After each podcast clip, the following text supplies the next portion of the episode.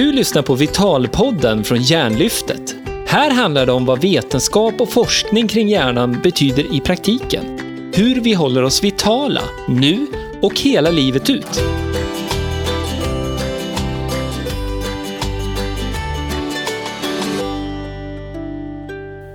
Hej och välkommen till Vitalpodden. Det här är avsnitt 6. Avsnittet innehåller en intervju med en intressant person vars bok faktiskt används som kurslitteratur i Hjärnlyftets uppskattade kurs Träna din hjärna.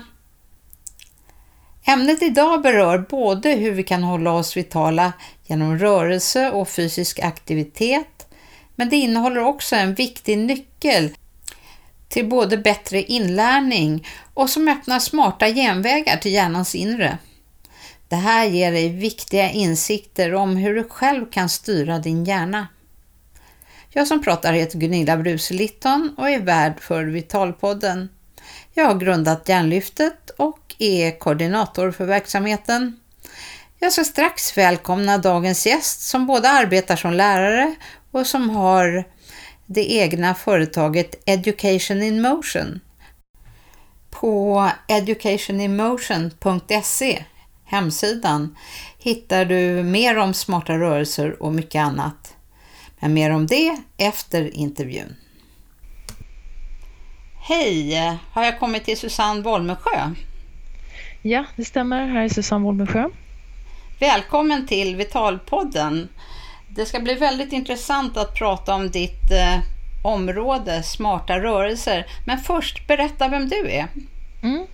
Jag eh, heter som sagt var Susanne Wolmensjö. Jag är eh, en eh, tjej, kvinna som ligger i plus 45. Jag är 54 år nu snart och jag jobbar som lärare och utbildare och jag har ett område som jag själv tycker då är väldigt intressant med hur hjärnan påverkas av rörelse.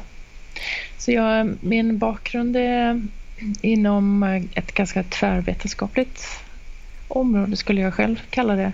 Där jag började med idrott och fysiologi, träning och eh, gick över mer åt psykologi och beteende. Och då blev det naturligt också att koppla in det här med neurovetenskapen. Då, då.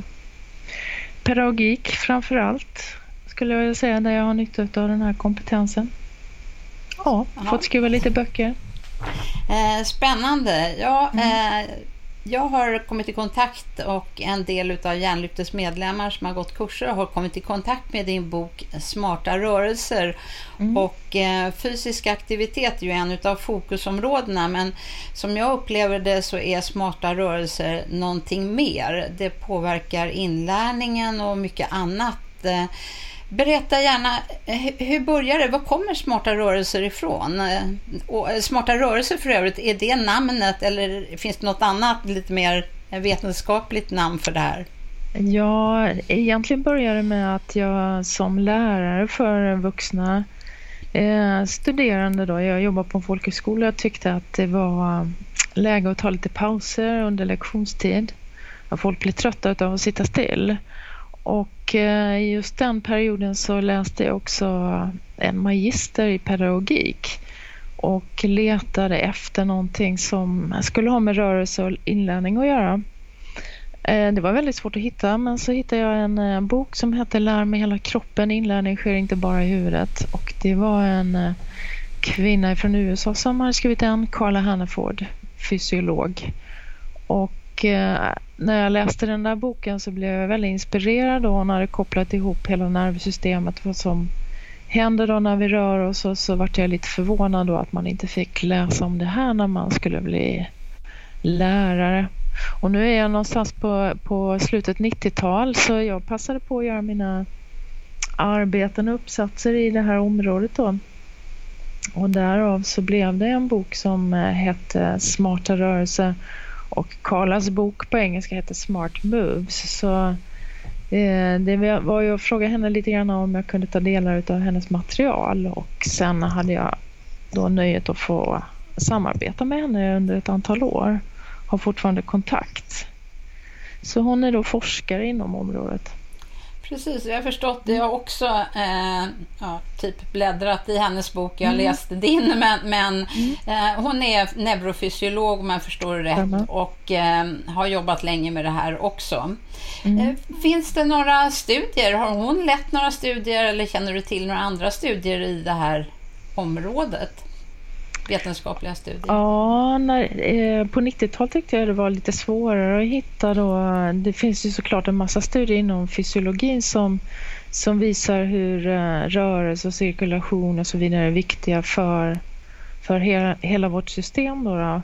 Eh, sen var det ju kanske lite svårare att hitta just kopplingen om man kunde på, påvisa att den kognitiva, alltså vår tankeverksamhet påverkas av fysisk aktivitet.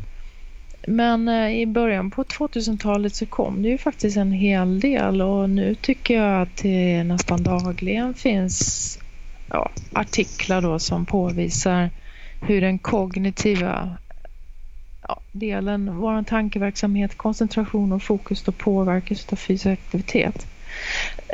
Däremot så tycker jag att det kan vara lite olika vilket område man tittar på. Man, man får vara lite tvärvetenskaplig när man letar efter studier tycker jag. Man kan titta inom pedagogiken där man länge har visat olika variationer och rörelser att det är viktigt för lärande. Inom eh, fysiologin och medicin så tittar man på, på studier som visar utveckling av nervsystem då med, med fysisk aktivitet och inom psykologin så är det ju mycket med att använda olika metoder som har med rörelse att göra för att komma ner i, i stress. Så att stress kan blockera den kognitiva förmågan.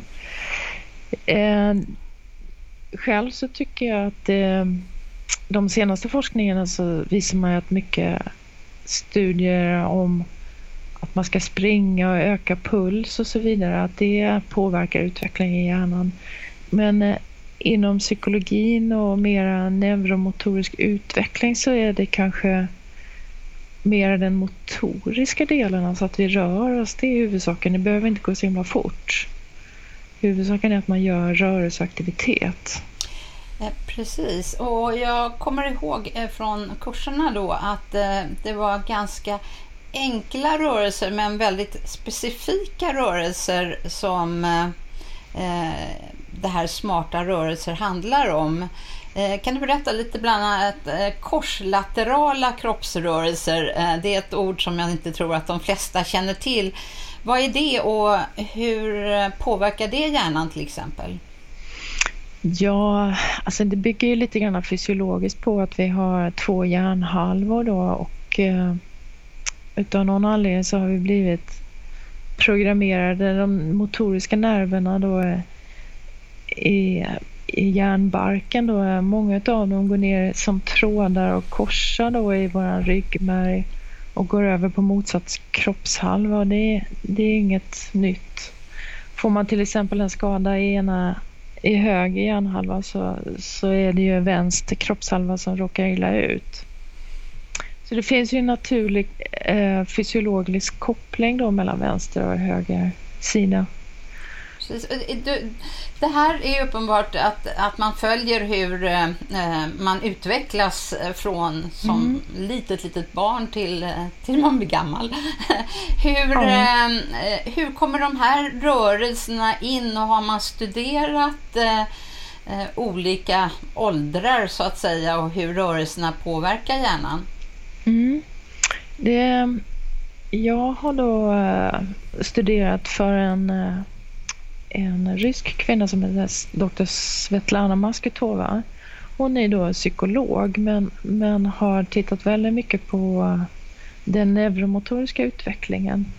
Och då, då får vi backa tillbaka till barns utveckling och redan ifrån fosterstadiet då så har vi fått programmerat neuromotorisk utveckling. Alltså vi ska gå vissa steg. Vi ska kunna gripa och suga och åla och göra massa spännande saker. Och, och då eh, kallar man det för reflexer. Alltså de,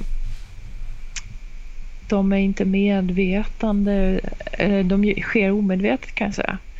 Så, så då har vi en stege. Tanken är ju, vi är gjorda för att komma upp till stående då, så att via de här olika stegen då utveckling så ska vi komma upp till stående där vi kan se och höra bättre till exempel. Mm, Okej. Okay.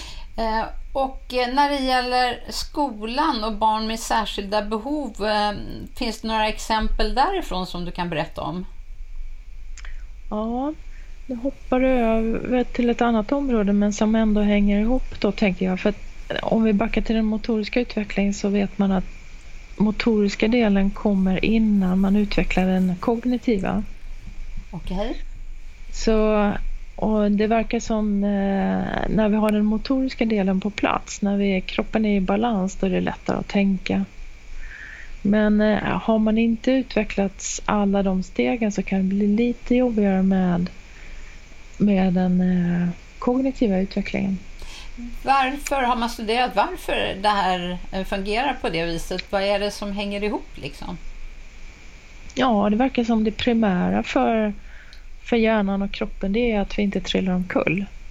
Okej. Okay. Så här gäller det att hålla balans och sen, sen kan vi tänka. Men man, man sätter sig inte och tänker om man håller på att trilla omkull. Så. Låter klokt. Ska, ja. mm. Eh, Okej, okay. och eh, hur är det då? Jag vet ju att man i skolan idag pratar mycket mer om att fysisk aktivitet är viktigt. Men fortfarande, mm. det här är ju en lite mer medveten rörelse än eh, bara springa runt och ha gymnastik. Eh, eh, finns det, som jag tänkte på då, barn med särskilda behov som kanske har ett särskilt eh, stort behov av att göra den här typen av enkla, smarta rörelser? Eh, man ska akta sig lite för att generalisera tycker jag överhuvudtaget. Men oavsett om man har särskilda behov eller inte så har vi behov av att röra oss. Det är, det är inte bra att sitta still för länge rent medicinskt. Vi behöver cirkulation. Helst upp och stå varje kvart skulle jag säga minst. För barn kanske det är var tionde minut att Oj. man gör någon typ av aktivitet. Och det här gör ju, behöver inte vara någon mega, det räcker med att ställa sig upp och brukar tänka på förr i tiden så fick man stå upp när man skulle svara på en fråga. Det tyckte jag var rätt bra. Kanske skulle införa det igen. Ja, varför inte? Men eh, så alla har ju, vissa har ju kanske ett större behov då av att göra aktivitet. Och det om, om jag kopplar det med barn med särskilda behov så ibland sätter man bokstäver på det med ADHD och så vidare. Då har man rent medicinskt sett att det är kan vara lägre aktivitet och produktion av någonting som heter dopamin. Ja, barn är ju inte dummare än att, att de kommer på, kanske omedvetet, att när jag rör mig så, så skapar jag själv det här hormonet och transmittersubstansen man kallar dopamin. Just det. Ja, så då är det klart att rörelse har två effekter. Då. Dels att känna sig piggare och sen får man mera stimulans till hjärnan. Så det har vi ju alla behov av. Sen finns det de som har då lite sämre eh, motorik och har man då eh, svårt med balans och så vidare så kan man ju säga att det kan vara svårt att sitta still. Alltså ju långsammare man gör en rörelse desto mer balans behöver man. Så det är enklare att röra på sig när man sitter. Det var spännande. Den här mm. kopplingen har jag inte hört eller förstått tidigare men det låter ju väldigt intressant eh, för ja, hela inlärningsprocessen, mm. framförallt i mm. skolan då, eh, istället för att eh, dela på grupper och så vidare. Alla, borde, alla barn oavsett eh, särskilda behov eller ej skulle ju dra nytta av precis det här du har berättat om att eh, öka dopamin, dopaminnivåer och så vidare i hjärnan för det påverkar ju också glädjen och viljan att lära sig saker och ting. Absolut. Ja, och sen att ha då bra kropps, kroppskännedom och kroppskontroll. Det verkar som hjärnan blir lugnare då när den vet var kroppen är någonstans. Och eh, det är väl nästan så att jag skulle vilja, eller jag skulle vilja rekommendera ett nytt ämne då. Varför inte ha ett ämne som heter kroppsträning, kroppskontrollsträning så att man får träna mer var, var är jag i min kropp. Sen kan man ha idrott också men eh, det jag tycker, och det skulle man fortsätta med hela livet egentligen, att träna sin kroppsmedvetenhet. Ja, absolut. Vi, eh, som jag berättade för dig eh, så mm. har vi ju använt din bok i, eh, i kurser på Hjärnlyftet och mm. eh, det var väldigt intressant. Det fanns väl inte någon som inte upplevde en förbättring. Man fick eh, ta med sig tre, fyra rörelser hem och träna på mellan de fysiska kurstillfällena. Och eh, mm. det var ingen som tyckte att det här gör ingen skillnad utan på olika sätt så hade det gjort skillnad för alla. Så jag håller verkligen med dig om det här. Och jag kommer att tänka på en, en annan koppling också när du berättar om dopamin och, och, och möjligheten att påverka hjärnan. Ehm, det är ju väldigt stora problem med stress i arbetslivet framförallt. Ehm, det vore intressant att höra hur eh, det här med kroppsrörelser och smarta rörelser då eh, påverkar stress. Mm. Ja, jag skulle nästan säga att stress är väl, kan vi lära oss att hantera stress så har vi ju större förmåga att använda vår kognitiva funktion. Alltså tänka, koncentrera, fokus med mera. Det som händer när vi är stressade är att kroppen försöker försvara. Man går in i ett stressbeteende då, spänner kropp och så vidare. Så redan där tappar du balans och ja, för, kroppen försöker skydda dig helt enkelt. Så när vi då gör rörelser och, och um, visar hjärnan att det är lugnt. Alltså jag, jag kan töja, jag kan slappna av i kroppen, jag har bra balans. Då minskar ju också stressen. Mm, det låter så. Mm. Du var inne på, på korslaterala rörelser. Det man ser då i stress så blir det svårare för hjärnan att samarbeta mellan vänster och höger hjärnhalva. Om jag då gör aktivitet med kroppen som har med vänster och höger att göra så får hjärnan tillgång igen till sin ja, större potential och fungerar. Så man bryter egentligen stress. Okej, okay. eh, det där är ju väldigt intressant med tanke på att eh, det är svårt att lugna sig själv med tankar mm. när man är stressad, men om man lär sig ett rörelsemönster för att, eh, som du säger, eh, bryta eh, den här stresskänslan, skulle det fungera? Ja, absolut. Det räcker att bara gå ut och gå en liten stund eller ställa sig upp och göra lite korsaktiviteter brukar säga att barn brukar lösa det där i skolan och fråga om de får gå på toaletten och så går de iväg och sen när de kommer tillbaka så har de en annan möjlighet att få tillgång till sin Jätteintressant när man hör dig lägga ihop de här vanliga naturliga beteendena och få en kanske lite förklaring till eh, varför barn gör som barn gör. Eh, jag mm. menar, vi vuxna vi är så inlärda att eh, hålla igen och hålla tillbaka så vi kanske inte gör sådana här saker men mm. eh, jätteintressanta exempel som du tar upp måste jag säga på mm, hur det här kan fungera och hur man kanske skulle kunna komma åt väldigt mycket av den här eh, ohälsan med stress på mm. arbetsplatser också. Jag brukar, brukar generalisera lite och säga men simple is profound, alltså det enkla är ju väldigt kraftfullt. Det är ju alltifrån att upptäcka att oj, jag slutar andas när jag är stressad. Jag börjar andas igen så blir det lugnare. Mm. Kan det mm. vara så enkelt? Ja. Och hur ska jag kunna komma igång med andning? Ja, andning är ju också en, en rörelse. Ja, absolut. Eh, ja, väldigt spännande. Och jag kan säga då till lyssnarna så här långt att eh, på hemsidan eh, vitalpodden.se så kommer det att läggas upp, eh, är det kanske när du lyssnar, redan upplagt eh, material och det kan utökas det här materialet över tiden. Så att har du lyssnat på det här programmet en gång men kommer tillbaka och lyssnar igen så kanske det finns ett nytt material, exempel just på sådana här rörelser på hemsidan på slutet när eh, jag har avslutat intervjun med Susanne så kommer jag berätta lite grann hur eh, det här materialet kommer dit och hur du kan hitta det och så.